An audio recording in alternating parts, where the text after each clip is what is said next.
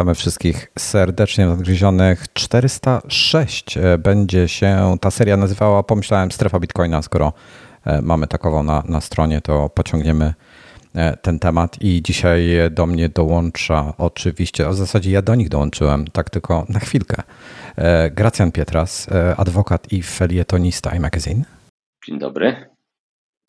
oraz Michał Zajda, e, który jest informatykiem R&D oraz e, zajmuje się również od jakiegoś czasu dłuższego e, blockchainem i napisał książkę Kryptowaluty dla zabieganych, które, której recenzję napisaną przez Gracjana z kolei znajdzie się w iMago. Dzień dobry. Panowie, ja was, ja was zostawiam w takim razie. Miłej dyskusji.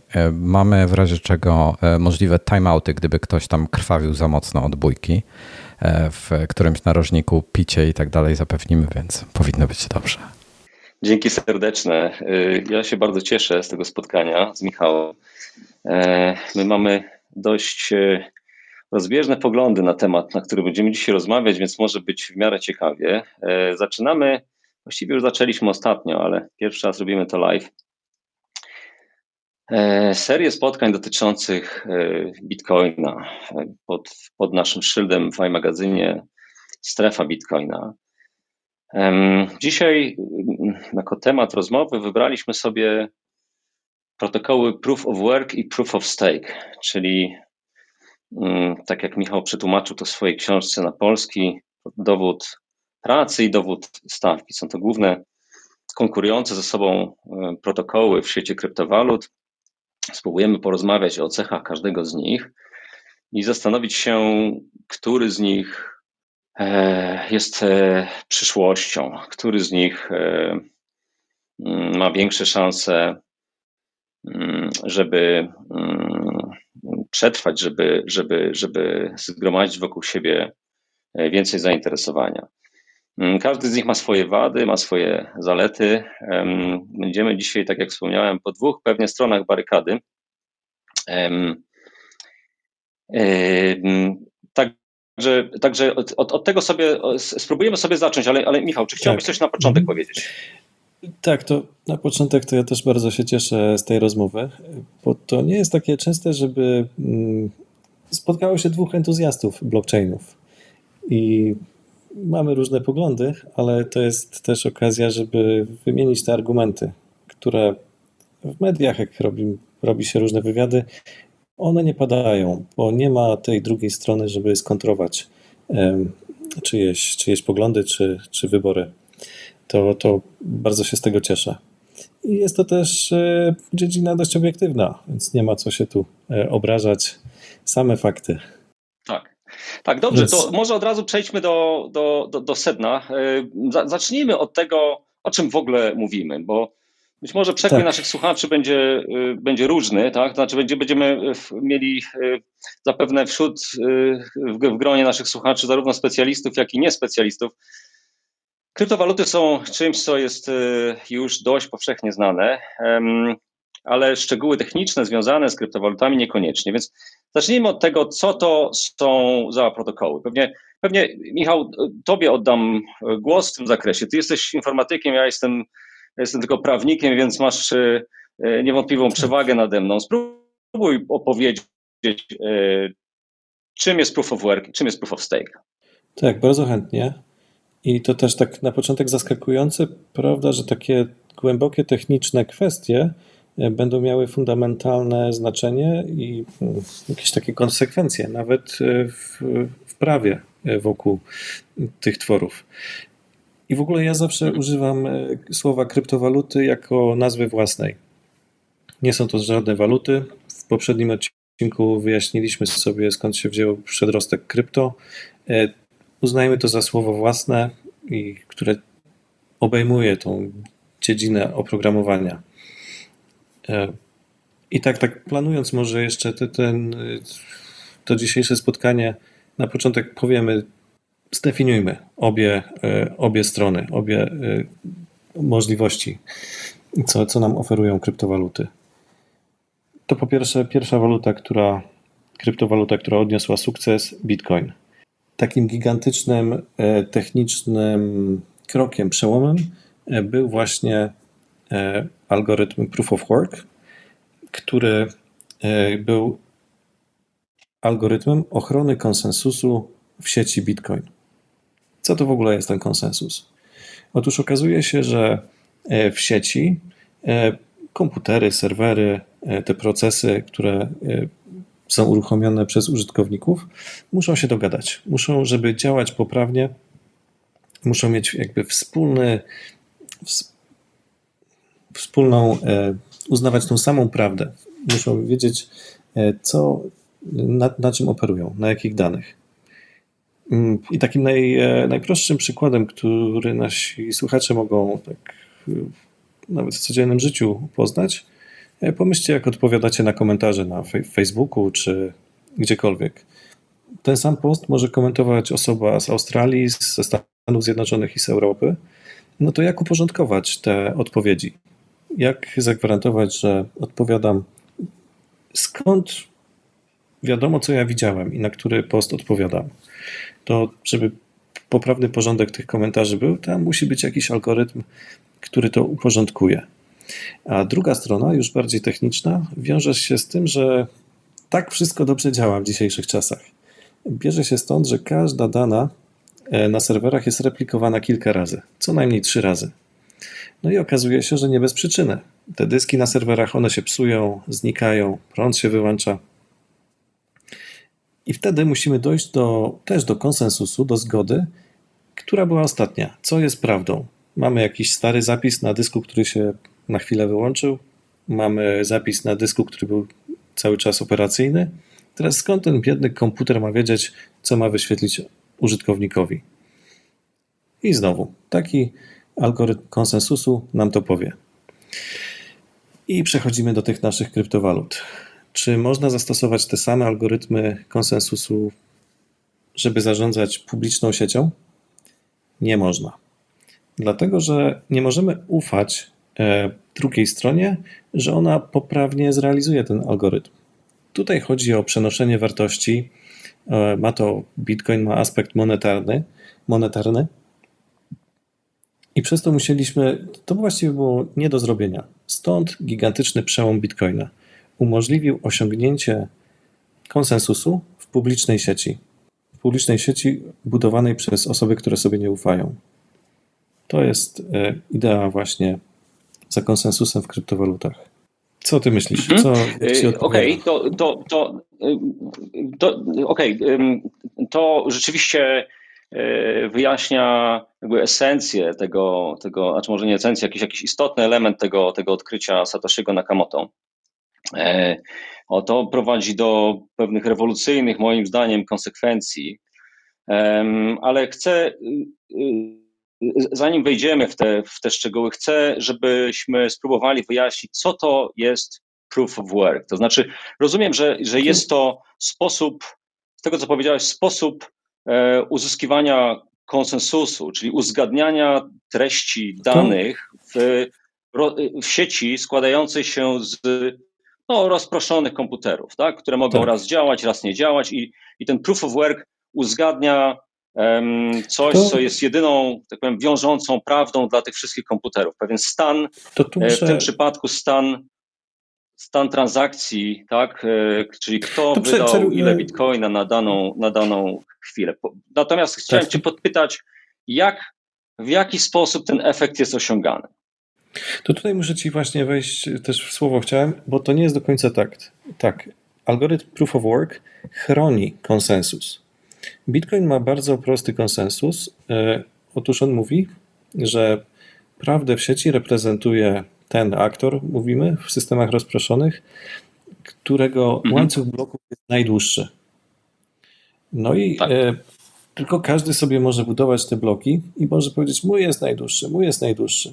I jeżeli to jest prywatna firma, to jedna jednostka to kontroluje, ale w publicznej sieci nie możemy ufać tej drugiej stronie, że mówi prawdę.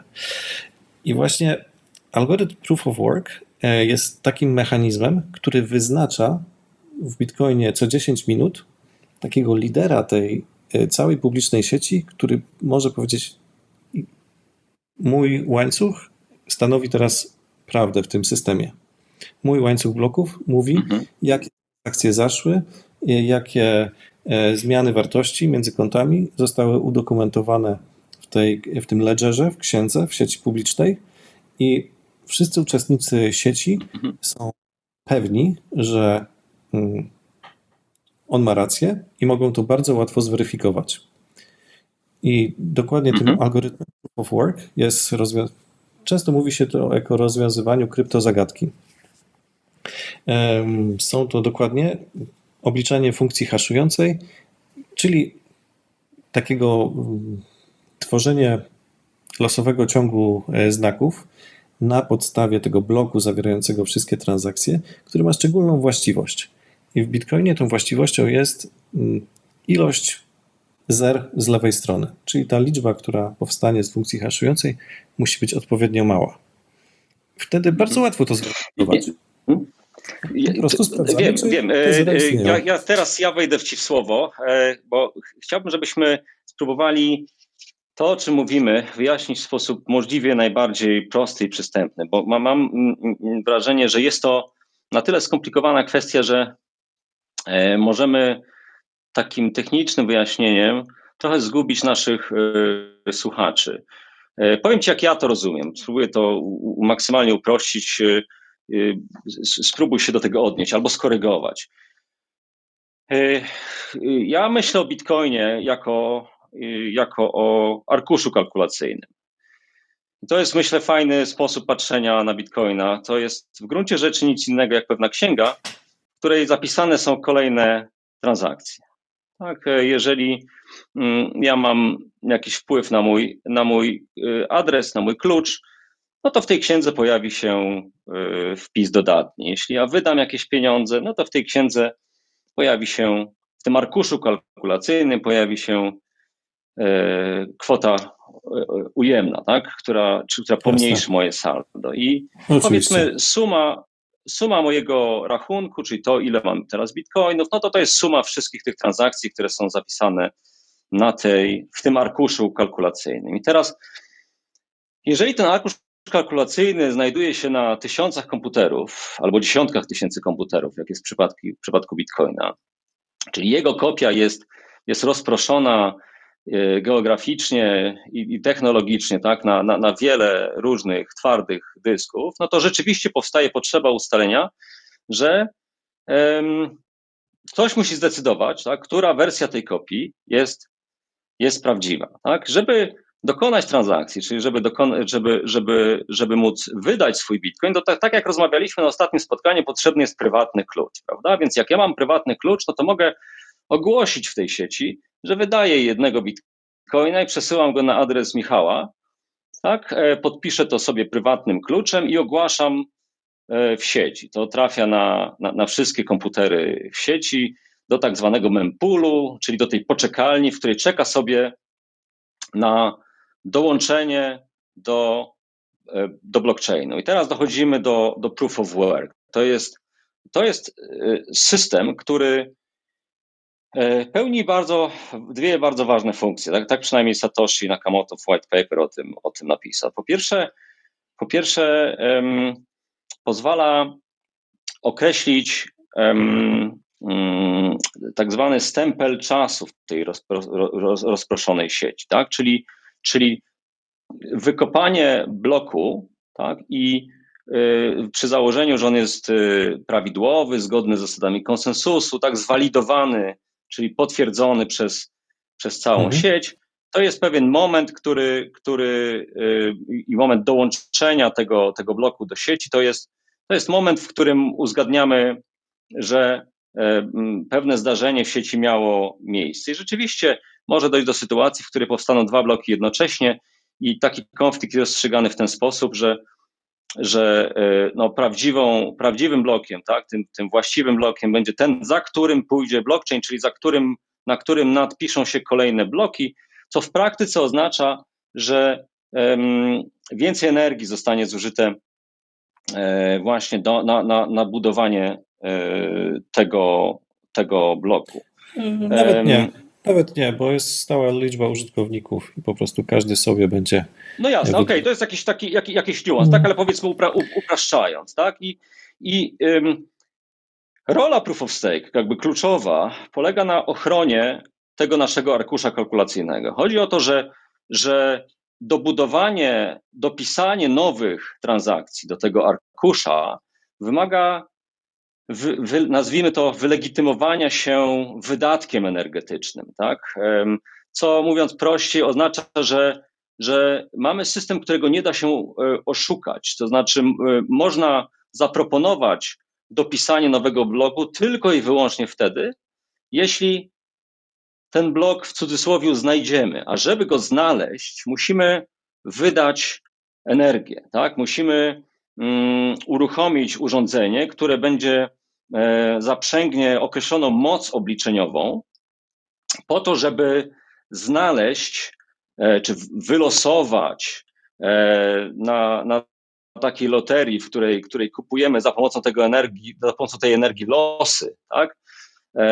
Ty mówiłeś o tym, o tym wykonywaniu funkcji haszującej, tak? To jest powiedzmy techniczne określenie czegoś, co można w uproszczeniu powiedzieć jako kupowanie losu, opisać jako kupowanie losów, tak? Czyli, czyli bardzo szybko kupujemy dużą ilość losów, mhm. E, w tym celu wydajemy, wydajemy energię i w momencie, w którym, w którym znajdziemy los, który jest wygranym losem, premiowanym losem, tak? To możemy ogłosić w sieci, że znaleźliśmy taki, taki los i, i, i dzięki temu dołączyć nasz blok z nowymi transakcjami, tymi, które czekają, czekały sobie w poczekalni, do blockchainu, czyli dopisać transakcję do tego arkusza kalkulacyjnego. Teraz możesz się poznęcać nad tym, co powiedziałem. No to podsumujmy tylko to, co powiedziałeś. E, więc e, ten, ten blok, e, taką cechą tej funkcji haszującej i tego stemplowania jest, że nie da się już zmienić treści tego bloku. W ogóle bloki mamy po to, te mhm. bloki to są pudełka na wszystkie transakcje, bo komputery już są takie szybkie, że stemplowanie każdej transakcji nie miałoby sensu. Więc wrzucamy tam te setki, tysiące transakcji, uruchamiamy funkcję haszującą, czy te obliczenia, kupowanie loterii. I y, jeżeli już e, zostanie ona policzona, ta funkcja haszująca, blok jest zatwierdzony. Ogłaszamy go w sieci mhm. i nasz łańcuch, którym zarządzamy, dostaje kolejne ogniwo e, i nic nie można z tym e, zrobić, nie można go zmienić, bo każda zmiana tego arkusza, jak powiedziałeś, kalkulacyjnego w tym bloku, pokazująca wszystkie zmiany w sieci, by zmieniła rezultat tej funkcji haszującej. E, mhm.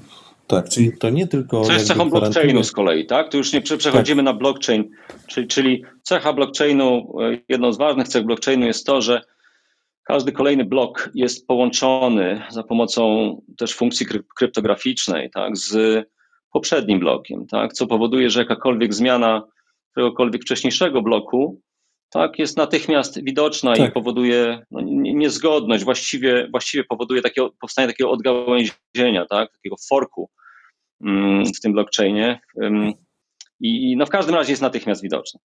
Tak, y, od razu można to rozpoznać i bardzo y, tanio zweryfikować. O ile y, mhm. Te cykle tej funkcji haszującej, jej obliczanie są bardzo drogie, to jest kilka operacji procesora, jak nie kilkadziesiąt, to musimy ich wykonać setki, tysiące, żeby znaleźć to rozwiązanie. I wszyscy uczestnicy sieci, dziesiątki tysięcy komputerów w sieci Bitcoin, wykonują te obliczenia i mniej więcej co 10 minut jeden z, jeden z nich znajduje rozwiązanie.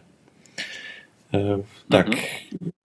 Do, to, to no dobrze, to dotknęliśmy, trochę, do, dotknęliśmy tak zwanego kopania. Tak? Kopanie jest jedną z, jakby, jest, jest ściśle związane z, z protokołem e, Proof of Work ale tak. i, i, często czytamy w prasie o górnikach, o kopaniu. Czy, czy, czy mógłbyś w jakiś taki możliwie najprostszy sposób wyjaśnić, na czym polega kopanie? To już właściwie wszystko wiemy. Kopanie to jest właśnie e, wykonywanie tych operacji funkcji haszującej. Przez to, że to jest taka żmudna praca, trzeba wykonać setki tysięcy tych operacji, e, mierzy się to w terahaszach na sekundę, e, to tych uczestników sieci, którzy co to robią, E, nazywa się górnikami. I mhm. Ciekawostką jest, dlaczego oni to robią? Dlaczego oni poza tym, że chcą być częścią tej sieci, chcą walidować transakcje, chcą rozszerzać ten łańcuch. Dlaczego oni to robią? Otóż są tam ekonomiczne zachęty, żeby to robili. Bo każdy górnik, który opublikuje taki blog, na który musiał wydać dużo energii, dużo prądu, czyli dużo pieniędzy, otrzymuje w tej natywnej walucie sieci nagrodę. No i obecnie to jest 6,5 mhm. bitcoina. I to jest też osobna, osobny zestaw e, zasad, jak ta nagroda się zmienia w czasie. E, I jednocześnie tutaj można tak, zaznaczyć... Uściślając jest to, jest to 6,25 bitcoina. To powiem Ci jako bitcoiner. O, o to przepraszam, rzeczywiście. To... Tu się nie znam. E, I to też trzeba zaznaczyć, e, tak nawiązując do poprzedniego odcinka, jest to jedyny, e, jedyne źródło inflacji w, w tym systemie, prawda? Jedyny sposób tworzenia nowych pieniędzy. Czyli jest to przewidywalny sposób i ściśle określony.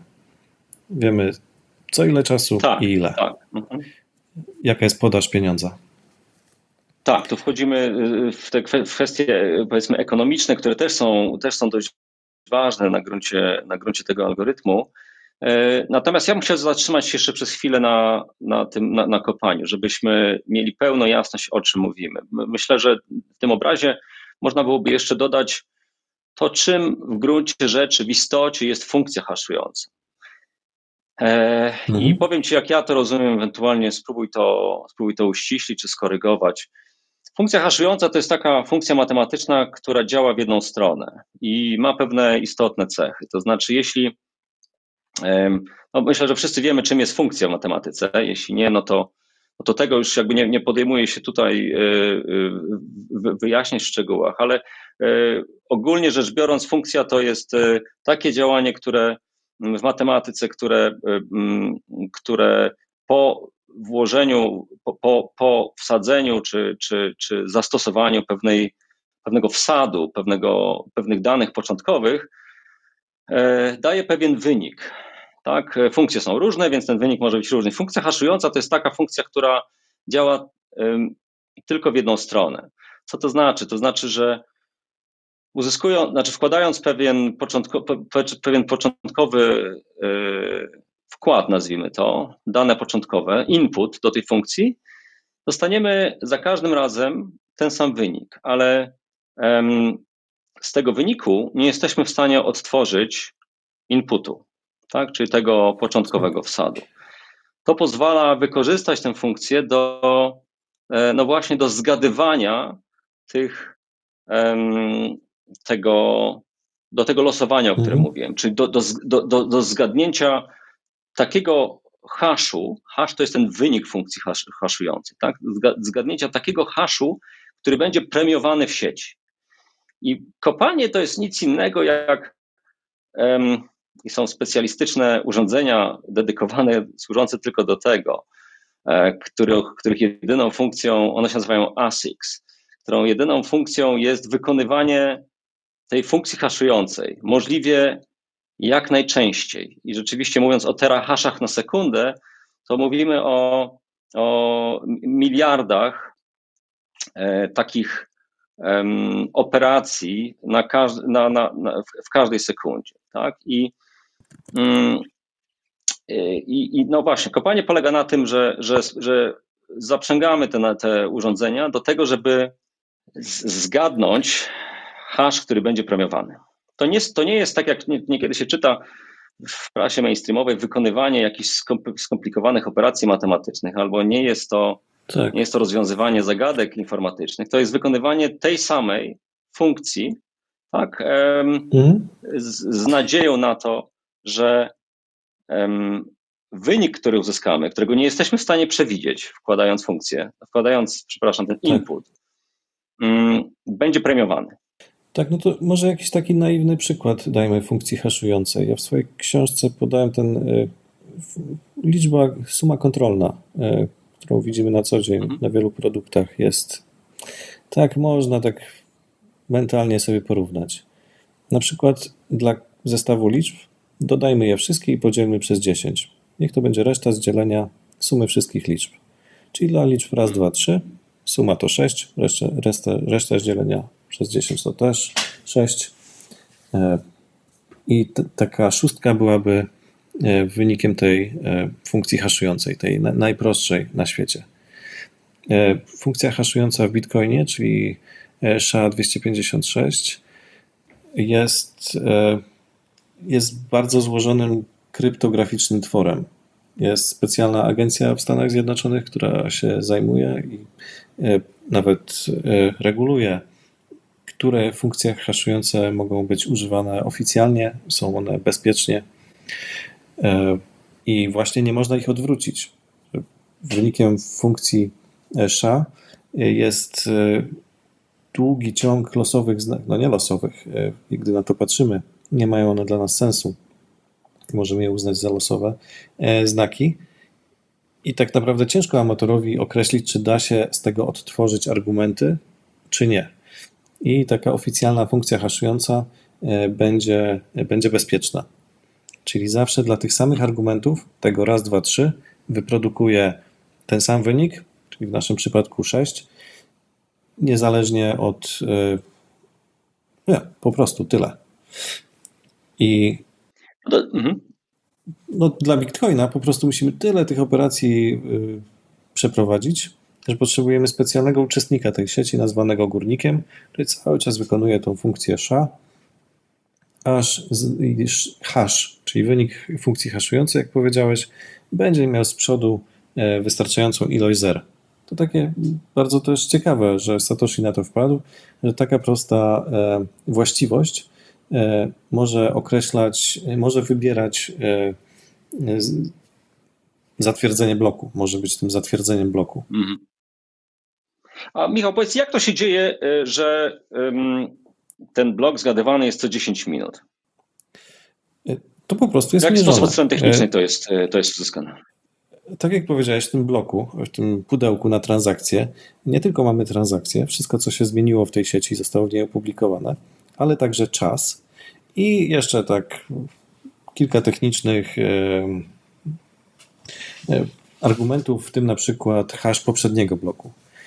I gdy może się tak zdarzyć, to że po minucie będziemy mieli kolejny blok, ale wtedy to, co się zdarzy, to sieć się samoreguluje. Rozpoznaje, że mhm. obecny blok powstał za szybko. W protokole było przewidziane, że powinien być za 10 minut, a powstał po minucie więc zwiększamy tak zwaną trudność sieci. I wtedy nie oczekujemy powiedzmy 18 zer z przodu, tylko 19. Czyli trzeba więcej prób przeprowadzić tej funkcji haszującej, e, żeby znaleźć jeszcze bardziej szczegółowe rozwiązanie, które jest e, dość losowe. Czyli to jest po prostu mechanizm tak, samoregulacji. Ta sam, ta, mhm. tak, ten, ten mechanizm samoregulacji jest w gruncie rzeczy dość fascynujący. Jakby sam w sobie jest e, jest, jest niesamowitym wynalazkiem. E, ponieważ zobaczmy, jeżeli, jeżeli sieć się powiększa, czyli górników jest coraz, coraz więcej, to znaczy, że jest więcej losujących i, i na w każdej sekundzie jest, są miliony nowych losów. Tak? To oznacza, że prawdopodobieństwo zgadnięcia tego premiowanego haszu staje się wyższe. Tak? I to może oznaczać, że zamiast co 10 minut, średnio ten hash znajdowany będzie na przykład co 9 minut albo co 8 minut. Tak? E, Satoshi ustalił, że bloki powinny być, pojawiać się co 10 minut przeciętnie i jeśli, jeśli sieć rośnie, to, to, to, to mniej więcej co dwa tygodnie następuje ta, ta, ta korekta, o której mówiłeś. Tak? To się nazywa difficulty adjustment, czyli dostosowanie trudności. Mhm. Przykładowo, jeśli przeciętnie w ciągu ostatnich dwóch tygodni blok znajdowany był co 9 minut, to oznacza, że trudność od, y, po, po takiej korekcie wzrośnie o 10%. Tak, mhm. To ma swoje e, daleko idące konsekwencje wbrew pozorom. Tak? No bo co, co, co to oznacza? To oznacza, że że ci sami górnicy, którzy, którzy będą dalej, dalej szukać tego premiowanego haszu, mają już trudniej. Tak? To znaczy muszą wydać więcej energii, żeby uzyskać e, ten sam, nazwijmy to po górniczemu, urobek, który e, uzyskiwali mm, przed, przed tą korektą, tak? Czyli muszą wydać 10% więcej energii. Jeśli, jeśli nie wydadzą 10% więcej energii, no to będą uzyskiwali mniej bloków, tak? Ponieważ będą je, je rzadziej znajdować niż do tej pory.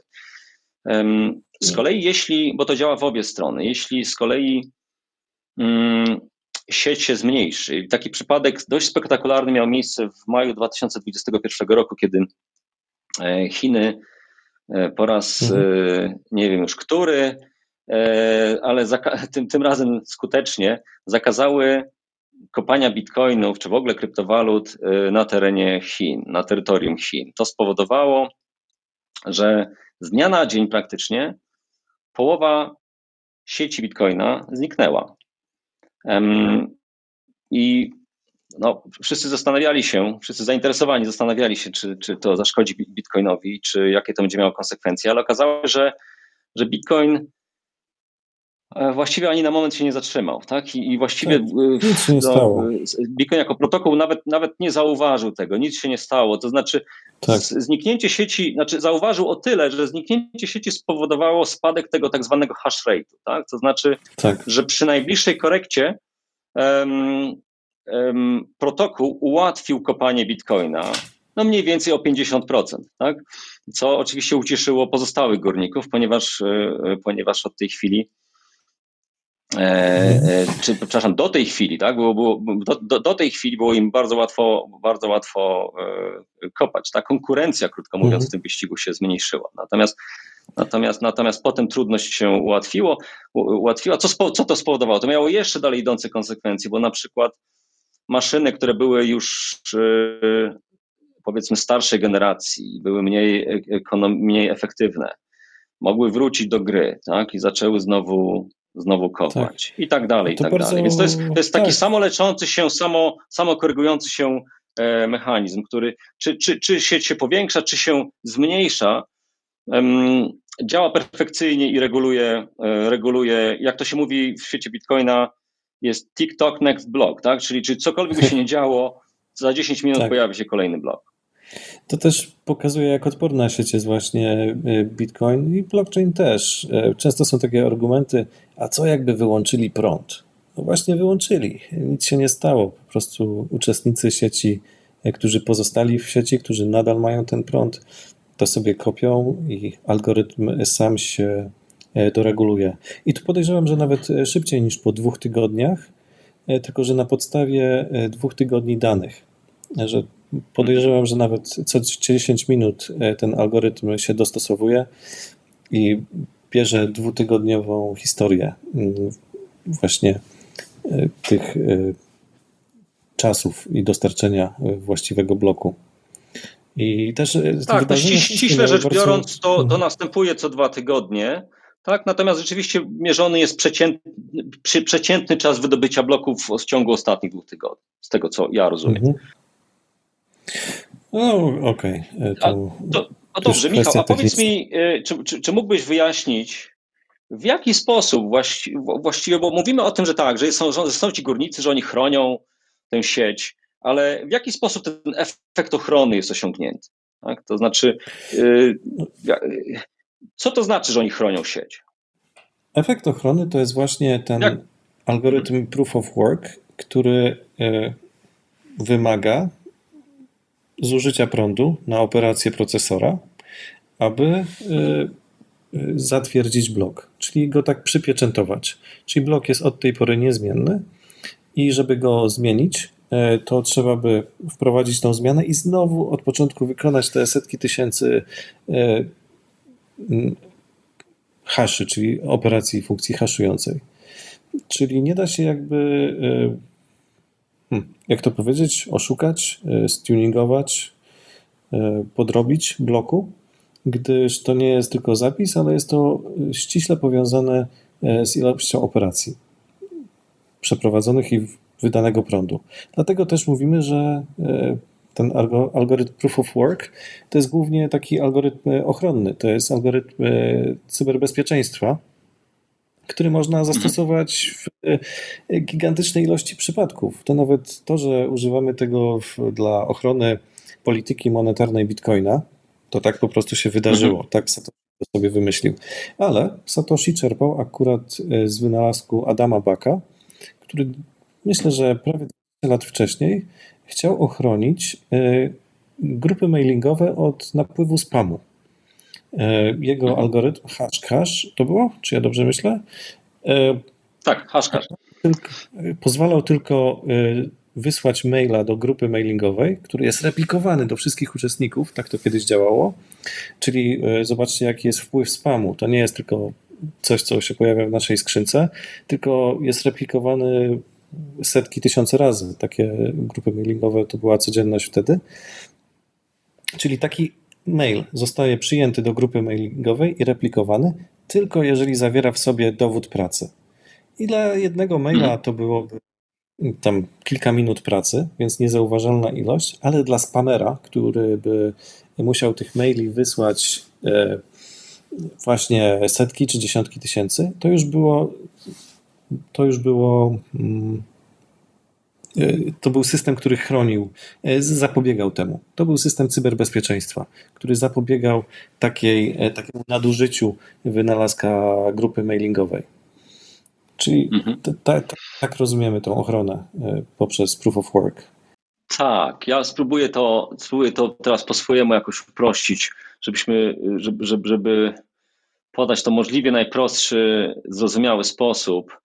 E, czyli mamy ten, mamy ten arkusz kalkulacyjny, tak, który chcemy chronić, prawda? To znaczy chcemy, żeby nikt nie mógł dopisać do tego arkusza transakcji, które no, byłyby no, na przykład próbą wydania dwa razy tego samego bitcoina, który się już wcześniej e, wydało.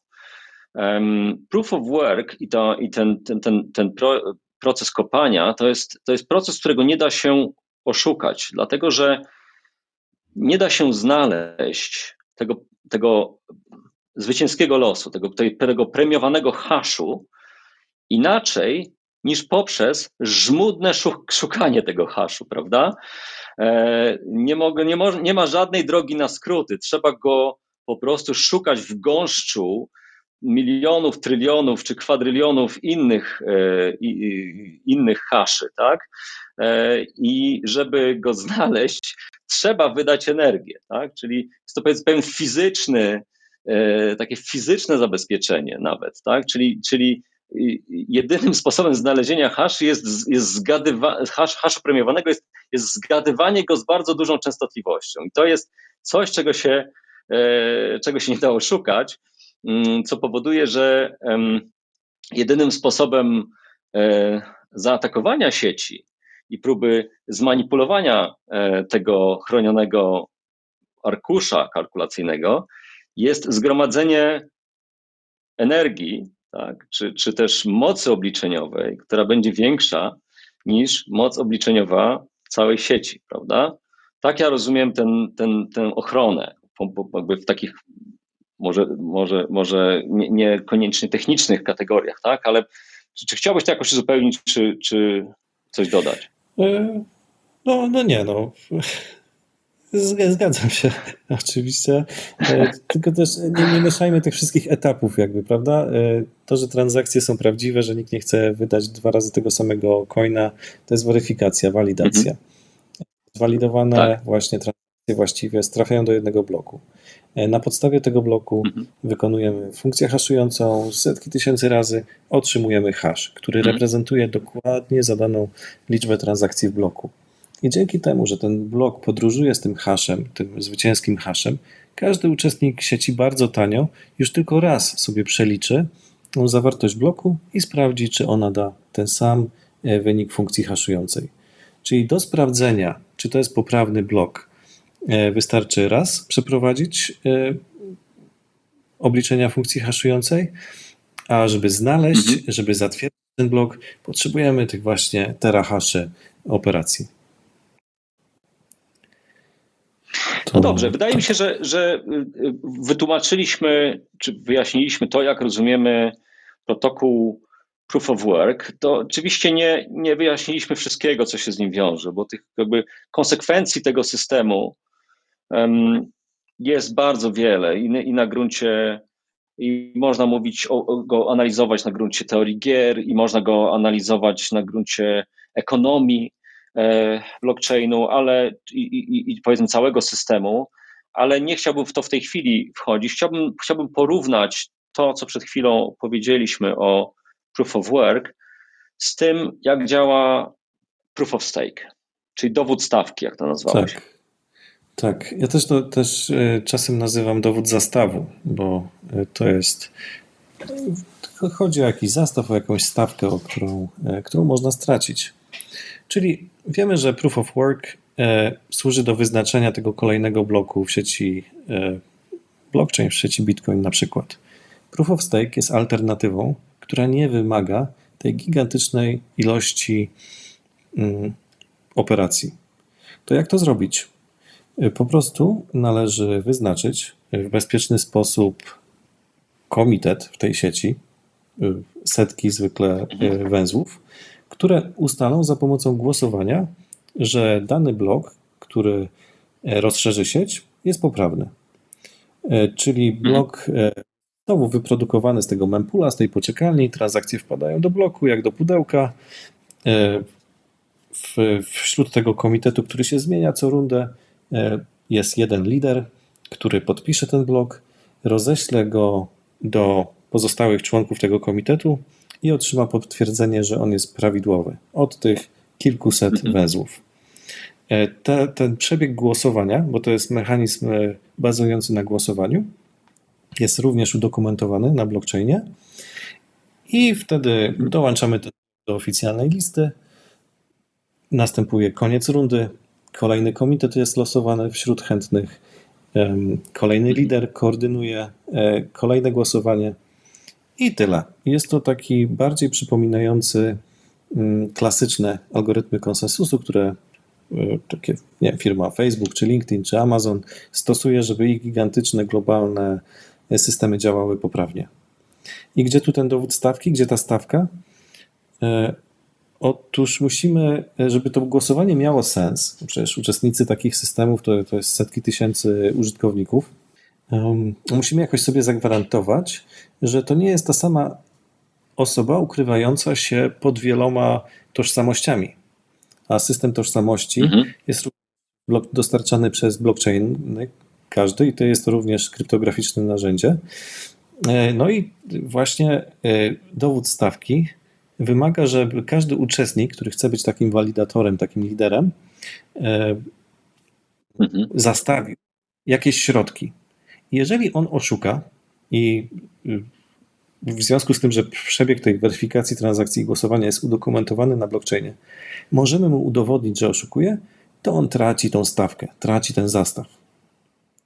No i na przykład mhm. w tej nowej... To się nazywa slashing, tak? Mówisz o, o tak zwanym tak. slashingu.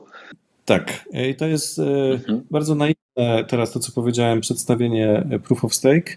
Tam jest e, szereg mechanizmów, powiedziałbym z 10 co najmniej, bezpieczeństwa adresujący takie pragmatyczne ataki na tą sieć i e, praktyczne też no, problemy w sieci rozproszonej.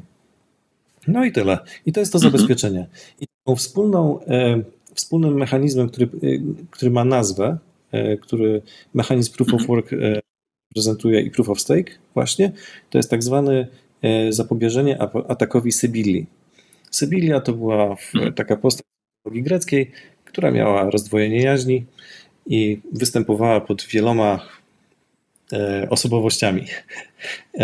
Tak samo, żeby zapobiec temu ukrywaniu się w sieci blockchain pod wieloma ID, tymi kryptograficznymi, potrzebujemy rozwiązać ten problem Sibili i w sieci Proof of Work rozwiązujemy go poprzez e, zużycie prądu, bo nieważne, czy masz mhm. e, jedną osobowość, czy dziesięć, e, tyle samo prądu zużyjesz, a w sieci Proof of Stake poprzez zastaw. Po prostu realną wartość jest, jest przypisana do Twojego ID, pomimo tego, że jest anonimowe, i jeżeli oszukasz, to protokół Ci ją zabierze ona wyparuje. I te mechanizmy powstały e, jako ekwiwalent. Tak. No dobrze, ja powiem Ci, jak ja, jak ja rozumiem Proof of Stake. Znaczy, spróbuję z, może uprościć czy zwulgaryzować nawet to, co, to, co przed chwilą w, wyjaśniłeś w taki dość techniczny, wydaje mi się, sposób. W kryptowalutach tak zwanych proof of stake również mamy, jak rozumiem, nasz arkusz, arkusz kalkulacyjny, tak, który chcemy chronić, tak, czyli historię transakcji, która się Oczywiście. Która, historię innymi. transakcji daną, daną kryptowalutą, prawda? Między innymi, bo tam są oczywiście też inne e, wpisy, tak, na tym blockchainie. Są smart kontrakty. Tak. Mhm. Są jakieś NFT, tak, czy, czy, czy inne, powiedzmy, nawet, nawet e, inne kryptowaluty, prawda? Są też podopisywane na tych, e, na, tak. na tych blockchainach. Ale dobrze, ale żeby upraszczając, chronimy pewien arkusz kalkulacyjny. I teraz um, rozumiem, że chronimy go w ten sposób, że umawiamy się wszyscy, że kolejny blok będzie um, tworzony przez te osoby, które y, dadzą w zastaw, nazwijmy to, swoje monety, tak, danej kryptowaluty. Czyli jeżeli to jest na przykład Ethereum, to ja daję w zastaw ileś Ethereum, tak, załóżmy 32 sztuki mm, i wtedy mam głos e, takim, czy mogę stać się jednym z walidatorów, tak? czyli tych osób, tak. które e, mogą powołać nowy blok. Ten blok jest powoływany bez wydatku energetycznego. Po prostu, po prostu ogłaszam, że go tworzę, prawda? Tylko żeby móc to zrobić, muszę zablokować te swoje kryptowaluty. Zastanawiam się, bo teraz tak, e, i teraz jeśli ja nadużyję tego prawa, czyli będę próbował w jakiś sposób oszukać sieć, to zostanę ukarany zabraniem tych moich e, zastawionych e, eterów. Dobrze rozumiem? Tak. Tak. I to jest oczywiście jeden przypadek z proof of stake, e, bo można różne rzeczy stosować jako tą stawkę i też mhm. E, zwykle losuje się tych potencjalnych walidatorów spośród dużego komitetu, na przykład spośród 10 e, tysięcy węzłów, które mają jakiś zastaw, losujemy 100 i tak co rundę mamy nową setkę i wśród tej, tej setki znowu mamy lidera, który właśnie typuje następny blok. Mhm. I też e, tak, no to już nie kiedy do większych szczegółów przejdziemy, ale to nie, to 32, te dwa, 32 Ether, 32 coiny mm, mogą, to może być spółdzielnia. Może się e, cała grupa ludzi zrzucić na to i może to być e, mhm. taki delegated proof of stake. E, zwykli ludzie, którzy nie mają 32 monet i Ethereum, mogą po prostu stworzyć, zrzucić się razem na to. No dobrze, ale y, y, powiedz mi, czy, czy, czy ten system jest rzeczywiście bezpieczny? Tak? Czy, zwłaszcza w odniesieniu do, do, do systemu proof of work. Czy, czy, czy są no. takie zagrożenia? Czy to, czy to jest jakiś trade-off, tak mówiąc, mówiąc może nieładnie, tak? No, czy tu jest coś za tak. coś w tym, tym uproszczeniu, tak? Bo jest bardzo wiele, no, no. coś za coś, cały czas. Mhm. To, że jest bezpieczny, jest bezpieczny przy danych założeniach i są na to setki prac naukowych. To, to są bezpieczne systemy. Jaki jest główny trade-off? Mamy nawet potrójny trade-off w świecie blockchainów. Bezpieczeństwo, skalowalność i decentralizacja. I e, to jest ten trylemat blockchainu, tak? Tak, do, do tego słynny trilema, tak. E, czyli i z taką cechą tych trylematów e, tego trilema nie, nie można osiągnąć wszystkich trzech cech jednocześnie. I mhm. blockchainy proof of stake e, głównie chciały być szybsze, czyli chciały być bardziej, to właśnie to jest takie, e, to się nazywa w świecie blockchainów skalowalnością. To, mhm. to jest jedna z wielu definicji skalowalności. Po prostu chciały e, szybciej przeprowadzać transakcje, szybciej osiągać tak zwane finality, bo w blockchainie mhm. jest to probabilistyczne, probabilistyczne i jeszcze działa po 10 minutach. Właściwie uznaje się, że to mhm. probabilistyczne, dostateczne finality, tą niezmienność, e, osiąga się po sześciu blokach, czyli trzeba czekać godzinę, mhm. aż nasza transakcja będzie taka naprawdę już nienaruszalna lub naruszalna z bardzo małym prawdopodobieństwem. A w algorytmach Proof of Stake... Mówisz o Bitcoinie w tej chwili, tak? Tak, o Bitcoinie mówię o Proof of Work. Bitcoinie jest, jest, blok, jest, blok jest co 10 minut rzeczywiście i i faktycznie po, po godzinie uznaje się, że taki blok jest, no, jest matematycznie i fizycznie nieodwracalny. Tak? To nie sposób tak, tego, tak, to... tego, tego niewiarygodne ilości energii były potrzebne, żeby to, ten, blok, ten blockchain przepisać e, w taki sposób, żeby naruszyć taką transakcję. Natomiast, no, że nie traćmy z pola widzenia też sieci Lightning, tak, która jest e, drugą warstwą blok, e, Bitcoina. I czy jest taką siecią nałożoną na główną sieć Bitcoina i ona ma tam, tam to finality, o którym mówiłeś, czyli ten, ten to się nazywa final settlement, czyli, tak, to, to, czyli taka mhm. ostateczność tej transakcji, którą dokonamy, jest, jest natychmiastowa.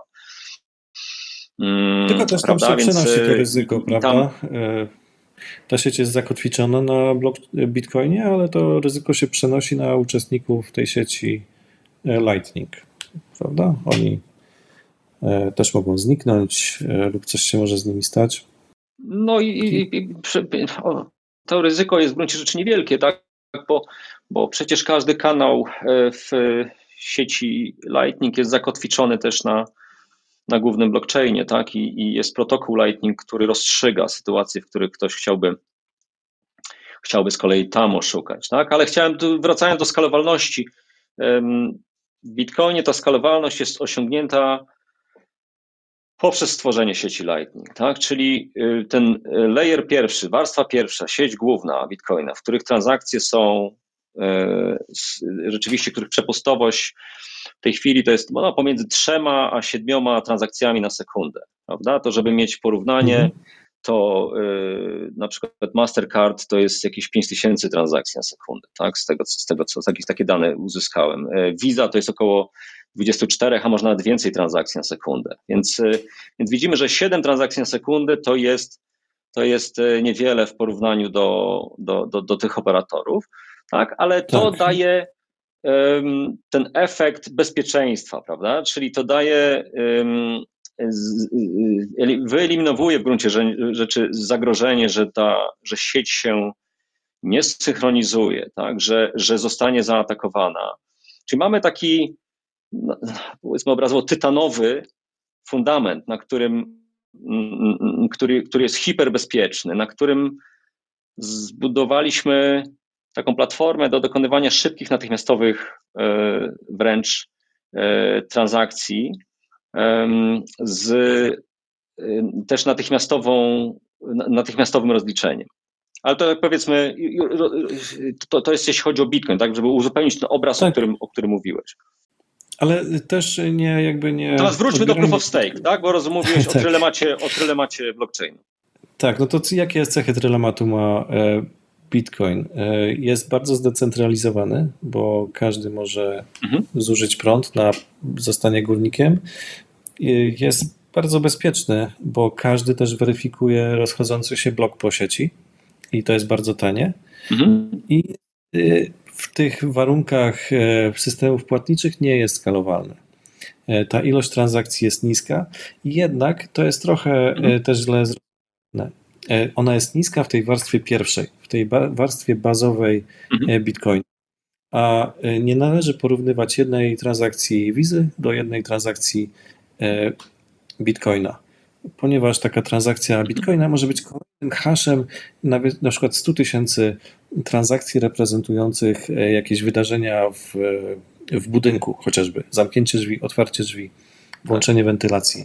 Takie mhm. wydarzenia mogą być z kolei schaszowane znowu i reprezentowane tylko jedną transakcją w sieci blockchain.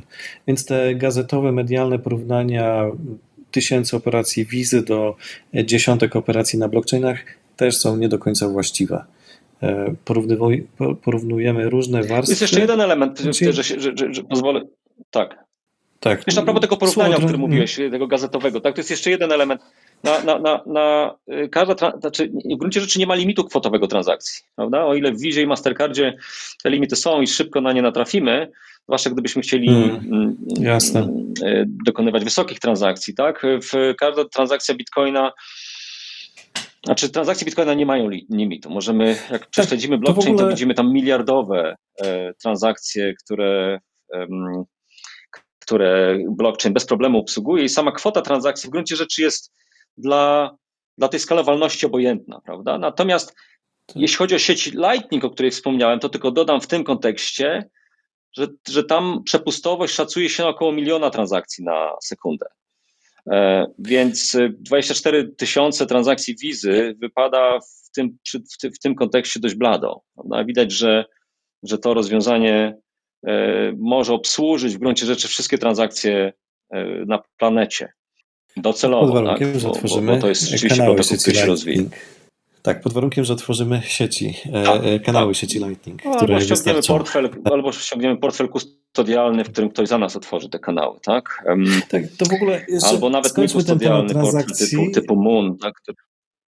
tak. Tego trylematu, tak? Ja tak powiedzieć, czyli tak, podsumowując. E, właśnie... E, e, mhm. Pamiętajmy, że właśnie tak jeszcze. Mów, mów bo jest pewne opóźnienie, dlatego że czasami się nakłada to. A właśnie, mhm. sorry, bo tu czasem się wymijamy.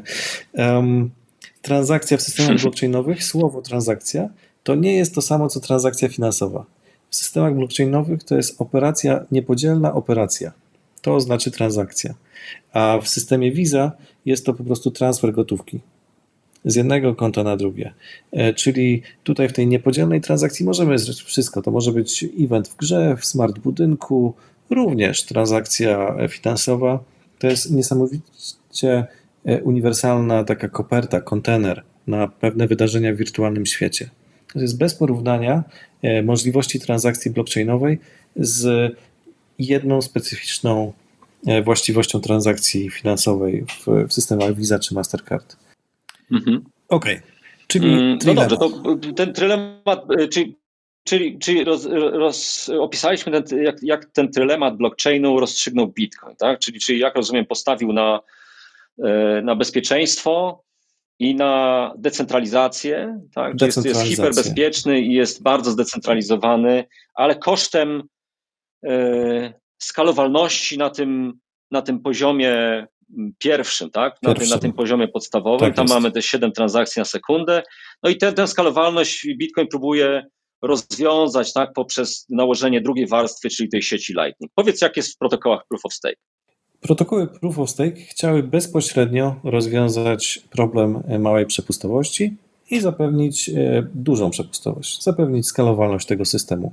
Mhm. E, tam chcielibyśmy mieć, chcielibyśmy mieć co najmniej 100 transakcji na sekundę, a obecne na rynku blockchainowe e, platformy e, miewają, osiągają tysiące transakcji na sekundę czy dziesiątki tysięcy. Czyli po prostu jest to szybka sieć i ta szybkość wiąże się z mechanizmem głosowania. Po prostu ten komitet, który wybiera poprawne transakcje, jest w stanie zrobić to szybko, w sekundach. Myślę, że między mhm. 5 a 10 sekund to jest taki e, pragmatyczna ilość tych rund, tych bloków. Czyli wszystko, co się zdarzy po 10 sekundach, jest zawarte w tym bloku, e, zatwierdzone przez e, uprawniony do tego komitet i cała sieć traktuje to jako prawdę.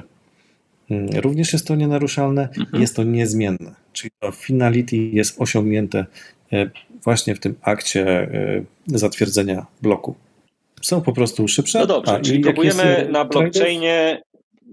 Mhm. Ale przez to ale jest, są mniej zdecentralizowane. Gdyż mamy jednak ograniczony ten komitet, jest i do wszystkich, którzy e, zebrali tą stawkę, ten, ten, ten zastaw, e, mhm. Mających gwarantować ich dobre zachowanie. Czyli tak, czyli jest to na pewno mniej zdecentralizowane niż zużycie prądu, które możemy przy każdym gniazdku w naszym domu e, jakby zainstalować serwer. No dobrze, ja bym chciał wyjaśnić te konsekwencje prób skalowalności takiego, takiego rozwiązania opartego o blockchain, bo, bo żeby dobrze zrozumieć, co się dzieje, jeśli zwiększamy liczbę transakcji właśnie z 7 na sekundę do, no na przykład do 100 na sekundę. 100 na sekundę nadal wypada blado przy przy y, tych 24 tysiącach transakcji Mastercardem, tak? No i mhm. jeszcze bardziej blado przy milionie transakcji na, na sieci Lightning, tak? Ale, ale rozumiem, że próbujemy zwiększyć liczbę transakcji. Tak? To, to musi chyba oznaczać tak. jedną z dwóch, albo nawet obydwie konsekwencje. Albo zwiększenie częstotliwości bloków, tak? Bo, czyli nie co 10 minut, mhm. tylko na przykład chyba Ethereum to jest jakieś 12 sekund, prawda? Czy, czy, czy, czy w tych okolicach. Ten, tak. Czyli 15, mamy blok tak. co 12 no sekund, to znaczy, że w ciągu, tak. w ciągu minuty powstanie 5 bloków, tak? E, a w ciągu 10 mhm. minut 50. Tak? Czyli mamy tak. na jeden blok Bitcoina przypada 50 bloków e, mniej więcej Ethereum. E, możemy też zwiększyć wielkość bloku, prawda? Żeby zapisać w nim więcej informacji. I jakie taką konsekwencję, którą natychmiast widać, to jest powiększanie się blockchainu, prawda? Bo jeżeli bloków mamy 50 razy więcej, e, to dodatkowo, dodatkowo jeszcze miałyby być one większe, tak? Czy, czy to, to natychmiast widzimy, że cały blockchain, czyli ta baza danych, czyli, czyli zawartość tego naszego arkusza kalkulacyjnego, o którym rozmawialiśmy, puchnie w ogromnym tempie. Tak? I co to, to co to musi oznaczać? No to, to musi oznaczać. To chyba muszę ci wejść tak, słowo. Przepraszam, to, coś chciałeś powiedzieć? To nie, tak, to nie jest negatywna cecha ten blockchain puchnie, owszem, ale przecież ma więcej operacji, to on rośnie. I też nie przywiązujmy się do tych bloków. Bloki to jest taka, e, ten kontener, który porusza się po sieci, ale nowoczesne sieci Proof of Stake bardziej przypominają nawet streaming. Przez to, że one tak szybko muszą działać, tak szybko zostają zatwierdzone, te bloczki już są, to, to jest bardziej takie, nawet mogą pojedyncze transakcje e, e, być roz, zatwierdzane. To już jest taka bardziej tak. ciągła komunikacja, ale ma wszystkie gwarancje nienaruszalności i przez to, że najnowocześniejsze algorytmy proof of stake są w stanie to obsłużyć bezpiecznie, no, nadal ma cechy blockchaina i tej cechy audytywalności, nienaruszalności. Więc a to puchnięcie, o którym mówisz, no to po pierwsze to jest więcej operacji, ale przedstawienie stanu blockchaina dla aplikacji, które go używają, to jest już niezależne od tego, co się dzieje w sieci. To trafia do bazy danych, jest przetransformowane i zaindeksowane. Wszystko ok. Tam się nic nie. No widzisz, jest wszystko ok, ale, ale moim zdaniem nie jest wszystko ok. To znaczy to puchnięcie ma pewne konsekwencje, których, których nie możemy zignorować, bo, bo bo e, jeżeli e, mówimy o systemie zdecentralizowanym, no to jego zasadniczą cechą jest to, że ten arkusz kalkulacyjny znajduje się na wielu, wielu, wielu komputerach. Tak? To znaczy, jeśli on e, powiększa się w sposób, powiększa się za szybko, tak? to musimy kupować większe twarde dyski, musimy kupować coraz, moc, coraz mocniejsze maszyny, żeby obsłużyć ten, ten blockchain. I jeżeli i istotą całej tej technologii miała być, być właśnie decentralizacja i miałoby być to, że nikomu nie ufamy. Nie musimy nikomu ufać. Możemy sami obsłużyć ten blockchain, tak? To e, puchnięcie, tak, czy rozbudowywanie nadmierne tej bazy danych e, bardzo to utrudnia, tak? I mm, powoduje e, centralizację, tak? I właściwie moim zdaniem stawia znak zapytania nad sensownością całego tego przedsięwzięcia, ponieważ e, no, abym, abym być samodzielnym w sieci, w sieci blockchain, ja potrzebuję jedno, te, jedno terabajtowy dysk i prosty, banalny, banalny stary komputer, albo nawet Raspberry Pi. Tak? E, cały blockchain Bitcoina i, i e, zajmuje niecałe pół terabajta. Tak? To znaczy, że każdy dzieciak mhm. może sobie kupić Raspberry Pi za 300 złotych i kupić sobie dysk e, za 200 zł i mieć cały, całą historię Bitcoina, być całkowicie niezależnym e, użytkownikiem sieci i samodzielnie weryfikować wszystkie transakcje i rzeczywiście nikomu nie ufać, tak? Ponieważ, ponieważ jeżeli tak. samodzielnie się uruchomi e, oprogramowanie Bitcoin Core, tak, które jest open source'owe i powszechnie dostępne, to widać, że próg wejścia do tego, żeby w pełni kontrolować sieć, tak? E, może źle powiedziałem, bo nikt nie kontroluje w pełni sieci, ale w pełni kontrolować zawartość e, e, blockchainu i tego, co się na nim, co się na nim dzieje, tak? Móc weryfikować, nie tyle kontrolować, co w pełni weryfikować to, co się tam dzieje, tak? jest bardzo niski. Natomiast jeśli no bo jak wielki jest teraz blockchain Ethereum, tak? Ten, ten taki archiwalny właśnie, blockchain, tak? Mówimy to, już o, cię... o terabajtach danych, tak? To są... tak? O setkach terabajtów, czy nawet więcej, ale to... to czy, czy ty znasz kogoś, kto ma, kto, kto, ma pełny, kto ma pełny nod y, Ethereum? E, to akurat czy ty masz znam, pełny nod, czy ty to... masz pełny nod Ethereum? Nie, nie, nie mam pełnego e, noda. Ale A to ja nie? uważam ciągle, że to jest Dlaczego nie mam po prostu Ethereum? E, ja zajmuję się nowoczesnymi blockchainami. E, ale to też uważam, że jeszcze to nie bardziej scentralizowanymi. E, nie zupełnie, bo właśnie chcę tutaj zaadresować ten problem. Nie trzeba mieć. Tutaj się odbywa właśnie, ja często nazywam Bitcoina takim blockchainowym dziadkiem. I dlatego, że tam się dość wcześnie zatrzymał ten rozwój systemów informatycznych, wspierających weryfikację i E, tą nienaruszalność e, i anonimowość w sieci. Mamy cały, całą teraz dziedzinę nauki, dziesiątki uniwersytetów na świecie, które się tym zajmują. I e, na przykład nie potrzebujesz całego nodu Ethereum, żeby go jakby zweryfikować. Wszystkie dane w Ethereum są zorganizowane w takim drzewie, w, odmianie Merkle Tree i wystarczy, że masz mhm. swoją e, gałąź tego drzewa i Ethereum jest bardzo już specyficznym protokołem e, i też e, z uwagi na swój wiek nie może jakby przejść od razu do najnowszych rozwiązań, a inne nowe blockchainy mogą. To mamy już strukturę, która może reprezentować wiarygodnie interesującą nas część blockchaina i też bez żadnego zaufania do operatorów tego pełnego węzła czy komunikacji w sieci, można tylko na wycineczku tej struktury danych przeprowadzać e, transakcje bez ufania nikomu. Więc właśnie to, tam się dzieje wiele. E, no wiele dobrze, postępów. ale to oznacza, że musisz ufać, że ktoś ma jednak pełny, pełny blockchain, prawda? No bo, bo co by się stało, gdyby Wiesz ten co? pełny blockchain e, zniknął? Tak? Ty, czy, czy nadal końca, możesz działać na tym wycinku? Bo tak, mogę działać na tym wycinku i nawet y, jest taki algorytm, żeby tak zrobić w, to w, w Bitcoinie. Nazywa się Utrixo, jest y, z MIT, naukowiec Tad Dreja.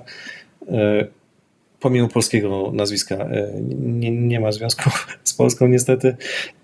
I on właśnie zaproponował, jak każda transakcja może z dodatkowymi metadanymi podróżować i w ogóle nie wymagać pełnego węzła Bitcoina który notabene też nie jest taki prosty do synchronizowania od samego początku.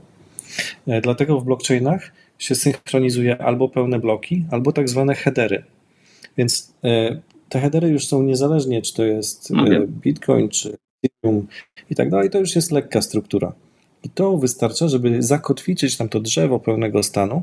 Jakakolwiek znowu nieuprawniona zmiana w tym drzewie będzie się konfliktowała z tym zsynchronizowanym przez wszystkim łańcuchem headerów.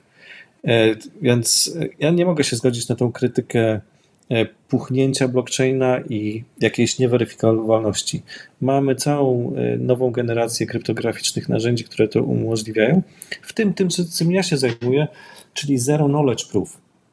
To jest właściwie koncept kryptograficzny z lat 90., mhm. gdzie wszystko się dzieje na prywatnych komputerach.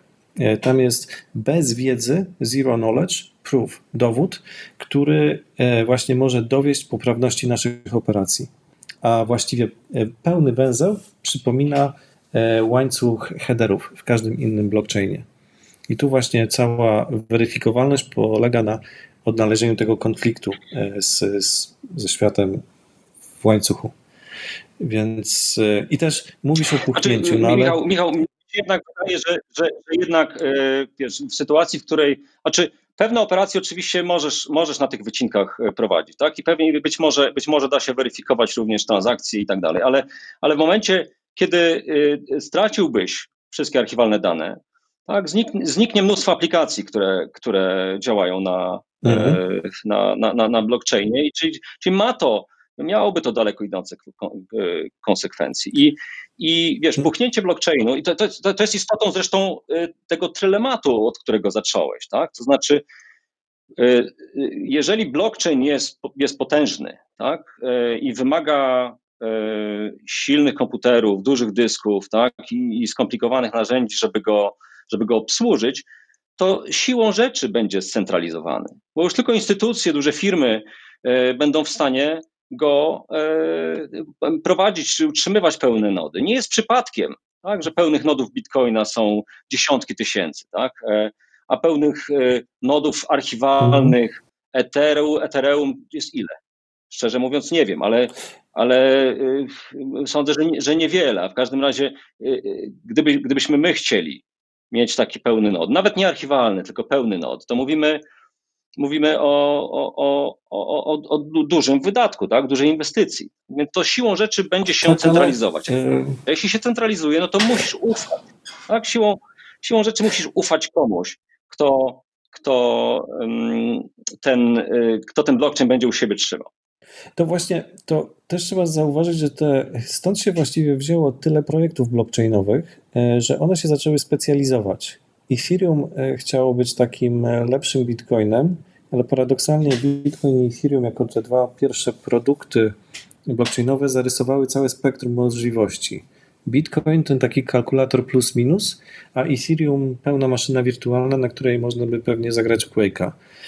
I stąd to wyjątkowa, mm, jakby wyjątkowe obciążenie pełnych nodów archiwalnych e, w Ethereum. A dziesiątki startupów mhm. technologicznych mogą wykorzystać algorytm Proof of Stake do bardzo szczególnej funkcjonalności. Jakaś gra albo y, jakaś tokenizacja. I tam y, nie ma problemu z, z tym olbrzymimi wymaganiami dla nodów archiwalnych, bo właściwie cały przemysł się nauczył od Ethereum, że to nie jest y, jakby ścieżka rozwoju. I to jest też, to był jakiś etap rozwoju systemów Proof of Stake, notabene Ethereum to było Proof of Work do zeszłego września, mm, więc i też e, można Chociaż oni od początku planowali merge, tak? Więc... E, tak, właśnie Ethereum e, miało tak. dwa, dwie założycielskie jakby myśli. Być komputerem światowym, czyli mieć tą wirtualną, uniwersalną maszynę zamiast kalkulatora plus minus i przejść na Proof of Stake, który zagwarantowałby e, szyb, większą szybkość i e, szybszą finalizację e, transakcji. To takie to były takie myśli założycielskie, bo skoro Bitcoin jest taki wspaniały, dlaczego w ogóle coś wymyślać, prawda? No są różnice, są trade-offy, można zainwestować w ten, w ten rozwój. Y, przyznam się, że, że, że pomysł, aby budować komputer światowy za pomocą technologii blockchain, wydaje mi się jednym z naj, naj, najmniej rozsądnych, jakie, jakie w technologii powstały, tak? ponieważ y, no, bazę danych, która jest wolna, siłą rzeczy oparta na, na poszyfrowanych ze sobą blokach, tak? E, wykorzystywać do tego, znaczy do tego, żeby zbudować komputer dla wszystkich, tak? I i no, to musi wiązać się, z, tak, jak, tak jak powiedziałem, z centralizacją. Jeżeli scentralizujemy blockchain, to cały pomysł e, jest już bezsensowny, tak? Mhm. bo blockchain e, ma jedynie sens wówczas, kiedy jest rozproszony. Tak? Tylko wtedy jest tylko wtedy jest on, no bo, no bo są dużo szybsze, dużo szybsze, dużo bardziej um, no, nowoczesne narzędzia, które nie są oparte o blockchain, po to, żeby budować scentralizowane bazy danych, prawda? Nie potrzeba blockchainu do nie, tego. Blockchain ma sens, jeśli, uważam, jeśli mówimy o, o dziesiątkach czy setkach tysięcy komputerów tak, na świecie, które muszą się, które muszą uzgadniać jest... w jakiś sposób swoją, swoją zawartość, tak? Ale decentralizacja to nie jest. Yy czarno-biały temat. Nie jest tylko decentralizacja i centralizacja. Decentralizacja to cecha, e, która ma ca całe spektrum, więc jeżeli nawet jakiś blockchain nie dorównuje Bitcoinowi, który jest przecież najstarszy i relatywnie do innych systemów e, blockchainowych stabilny, to nie znaczy, że każdy musi by mu dorównać, żeby się nazwać zdecentralizowanym. Ja wręcz nawet uważam, o, że. Ale, to, ale, ale, ale, trzeba zobaczyć, w którą stronę biegnie wektor. Tak? Czy wektor biegnie w stronę dalszej centralizacji tego, tego systemu, czy wektor biegnie w stronę dalszej decentralizacji. Tak? I jeżeli, jeżeli no blockchain puchnie y, szybciej niż przyrasta y, y, przestrzeń dyskowa, tak? czy moc obliczeniowa urządzeń, to mhm. on siłą rzeczy będzie się z czasem centralizował. Tak? Co w praktyce oznacza, musimy... że, że skończymy no bo wiesz, no, wykorzystałbyś technologię nie, blockchain nie, po to, żeby, żeby zbudować e, bazę danych na swoim, włas, na swoim własnym serwerze tak? i nie, nie używać jej w sieci? Być może.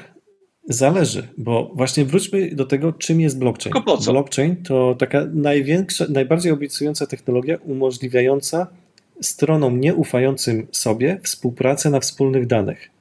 Czyli y, tak. skoro nie ufamy sobie, mamy jakiś przypadek, to po prostu ten akt jakby współpracy na czas współpracy możemy przeprowadzić na blockchainie. I to właśnie nie tak jak w Bitcoinie, który za zadanie sobie przyjął e, jakąś e, światową księgę rozrachunków wprowadzić, tylko na przykład gra, mhm. albo metaversum, albo handel pszenicą, który jest mhm. istotny dla stron handlu przez rok. I później wystarczy, że już te metadane i weryfikacje trzymamy. Nie potrzebujemy całego węzła y, z handlu pszenicą i każdej operacji, która została tam prze, przeprowadzona sprzed 20 lat, mieć w naszym tym gorącym węźle.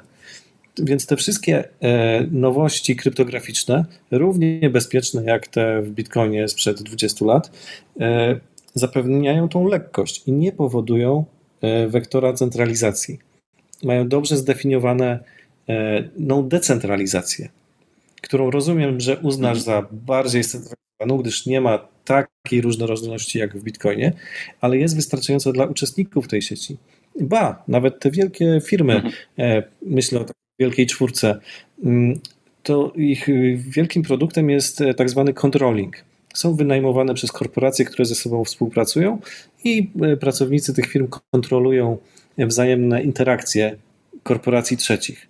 Nawet trzy firmy by były beneficjentami blockchaina, jeżeli trzy węzłowy blockchain e, sobie zbudują i będą tam ten e, ich zakres e, pracy, który się nakłada na siebie, ta współpraca, jeżeli byłby przeprowadzony na blockchainie, pomimo centralizacji, mhm. bo są trzy węzły, nic więcej, by osiągnął zadanie. Więc nie potrzebujemy mhm. globalnej.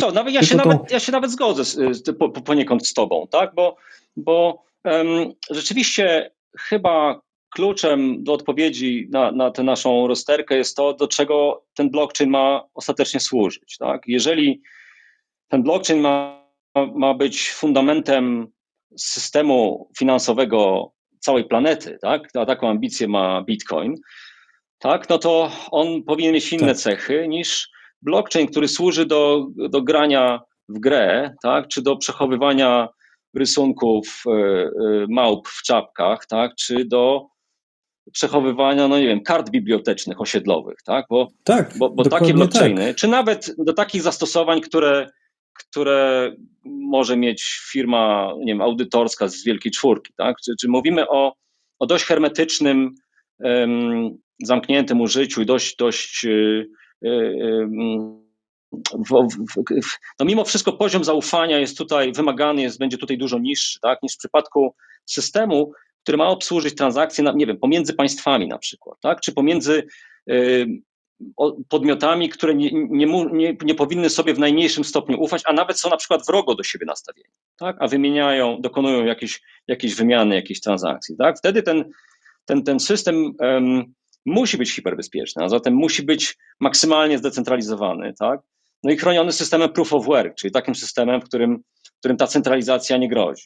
Nie wiem, czy się z tym zgodzisz.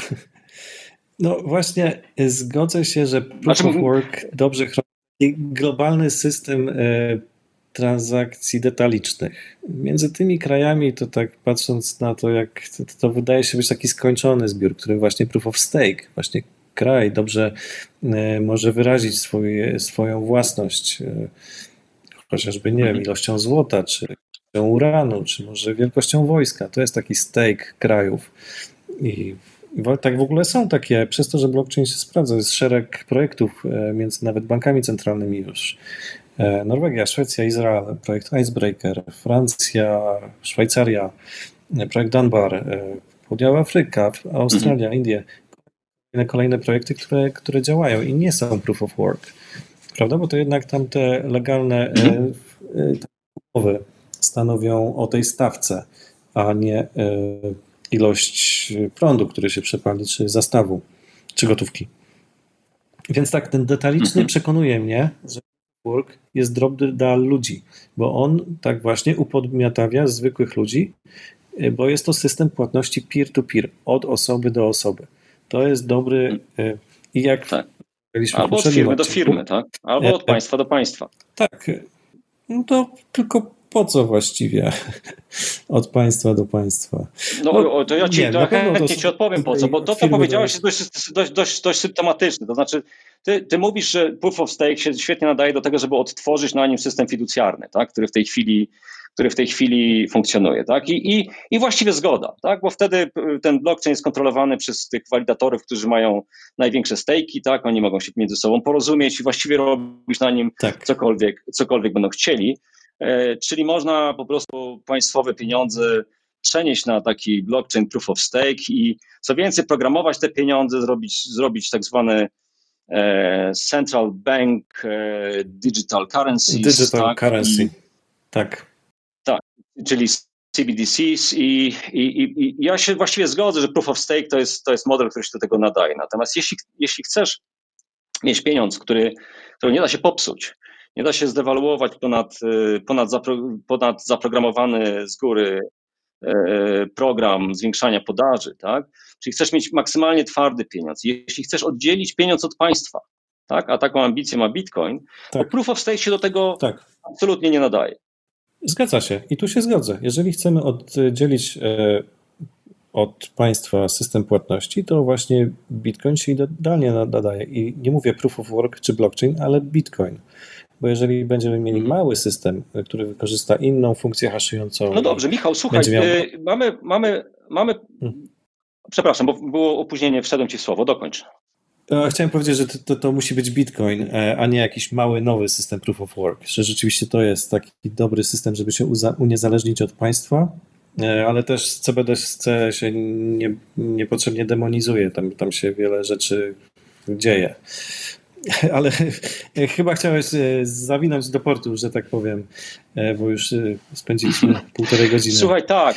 Na rozmowie chciałem powoli zawinąć do portu, ponieważ umówiliśmy się na półtorej godziny. Tematów jest jeszcze dużo, bo, bo, bo nawet to, co powiedziałeś przed chwilą, CBDC się bardzo potrzebnie demonizuje, tak? bo jest to dość przerażająca wizja programowalnych pieniędzy na poziomie pojedynczego użytkownika. Tak? To, jest, to jest coś, co nas doprowadzi do, do świata dystopijnego, tak? bardzo prostą drogą. Ale, ale myślę, że tą zajawką nie, spróbujemy może umówić się na kolejne spotkanie, co?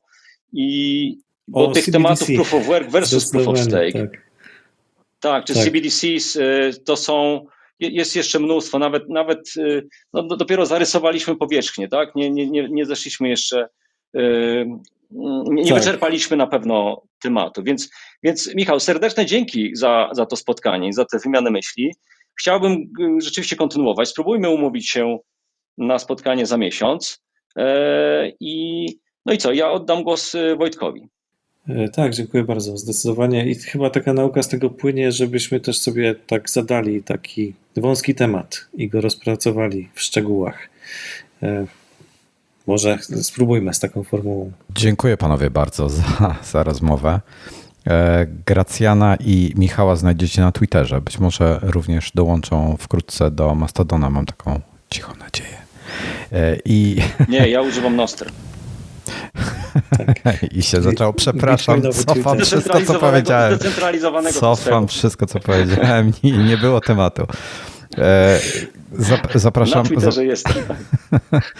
zapraszam do, do e, słuchania w wersji audio e, osoby, które nie, nie, te, nie są tutaj z nami na żywo.